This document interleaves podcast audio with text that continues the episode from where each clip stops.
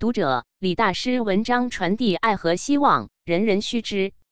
大纪元二零二三年七月十日讯，大纪元记者施平综合报道：法轮功创始人李洪志大师的文章为什么要救度众生？发表以后，西方读者争相传阅，他们或分享给亲朋好友，或者与教区的人讨论。有的说，有宗教信仰的人应该看；有的人说，迷失的人应该看。有的说自由主义者应该看，有的说年轻人应该看，有人一言以蔽之，称所有人每个人都需要知道这一信息。还有人说，在当今世界上，只有我们的创世主才能给出真正的真理。星号每个人都需要知道这一信息。读者戴博拉巴伯，这是李洪志老师的一篇重要信息，每个人都需要知道这一信息。谢谢你们分享法轮功的信息。读者科克亚瑟，我赞同法轮功的信仰体系，这应该与所有人分享。大纪元已经在这么做了。谢谢你们。读者查尔斯史密斯，我读了这篇文章，发现文章写得很好，就像你们大多数内容一样。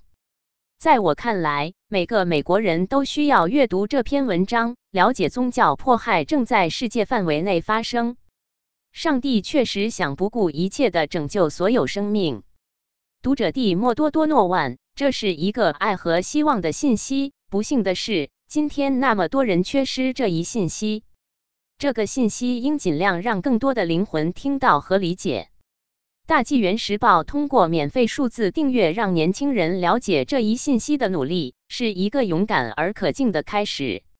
谢谢你们，为署名读者，这是一篇真正重要的文章，每个人都应该读。这篇文章是世界和平和个人启蒙的关键。读者苏珊娜·格雷，看起来是一种美妙的功法，值得这里所有人接受，其好处很多。而且有益健康。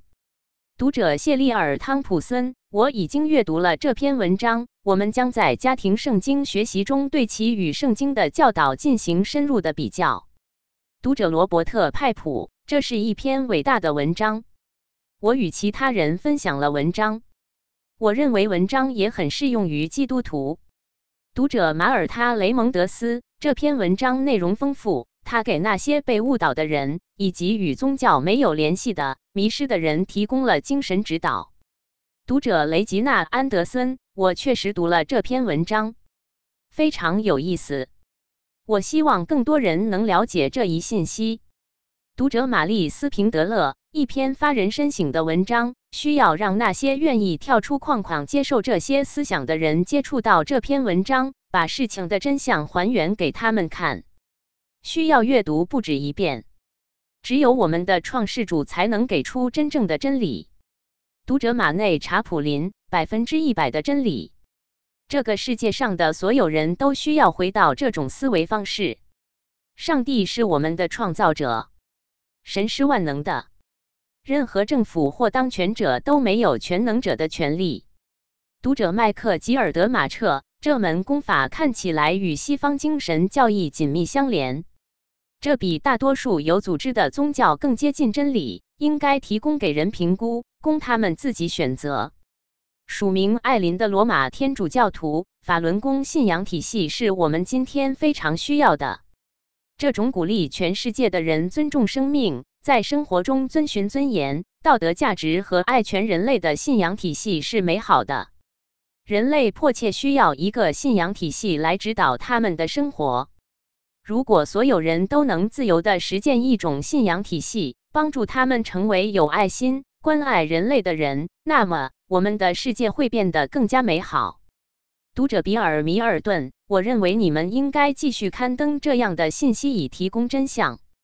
当敌人试图蒙蔽我们的双眼，使我们远离真理，认可当前的方式时，只有我们的创世主才能给出真正的真理。可悲的是，我们学习更多关于神造人的信息是被禁止的。所以我支持你们，赞同发表这篇文章和其他文章。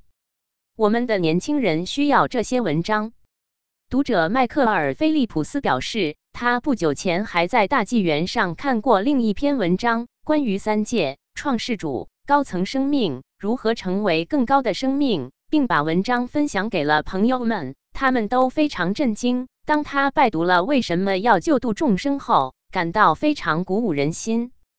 他请求大纪元重复印刷李大师的文章，这样我和其他读者可以将文章分享给没有订阅大纪元的那些亲朋好友。犹太教徒罗斯施瑞夫特曼读过此文后表示，法轮功是一个非常重要的修炼方法，更多人需要了解它，而且在现在这个时代。强调家庭信仰和奉献的宗教信仰被取代，我们需要明确的站出来捍卫我们的价值观。读者达连夏普写道：“这篇文章写得很好，很容易理解，所以他希望住在纽约的一名自由主义者的弟弟能够看到。”一位未署名的读者写道：“缺乏信仰的自由是令人震惊的。”此外，无论是可怕的共产党人，还是其他人迫害有信仰的人，都是犯罪。你们的文章不仅指出了当前的噩梦，而且指出了噩梦的开始和人们的盲目性。需要让更多的美国人和其他国家的人民了解这篇文章。责任编辑：孙云。